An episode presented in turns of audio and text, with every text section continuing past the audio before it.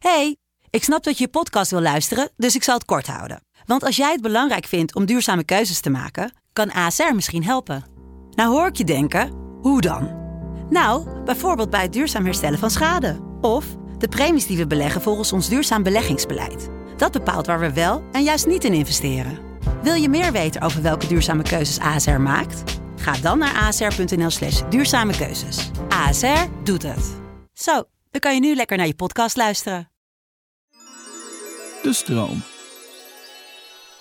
Wat zou jij nou nu graag van iemand horen? Waar mogen ze je in je private space mee storen? Hoe maken ze je blij?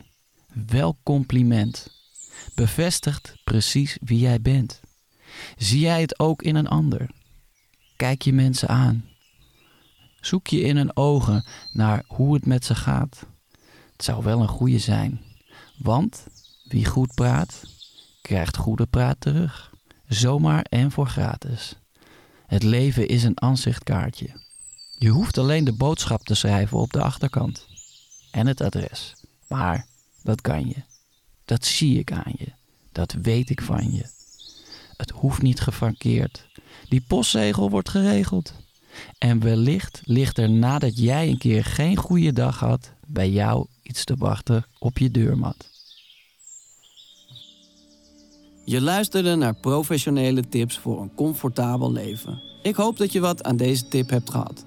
Dat je de boel even de boel hebt kunnen laten. Heb jij zin in nog meer fijne podcast? Luister dan eens naar Vader of de podcast Use and J New Emotions. Geniet. Liefs, Pepijn.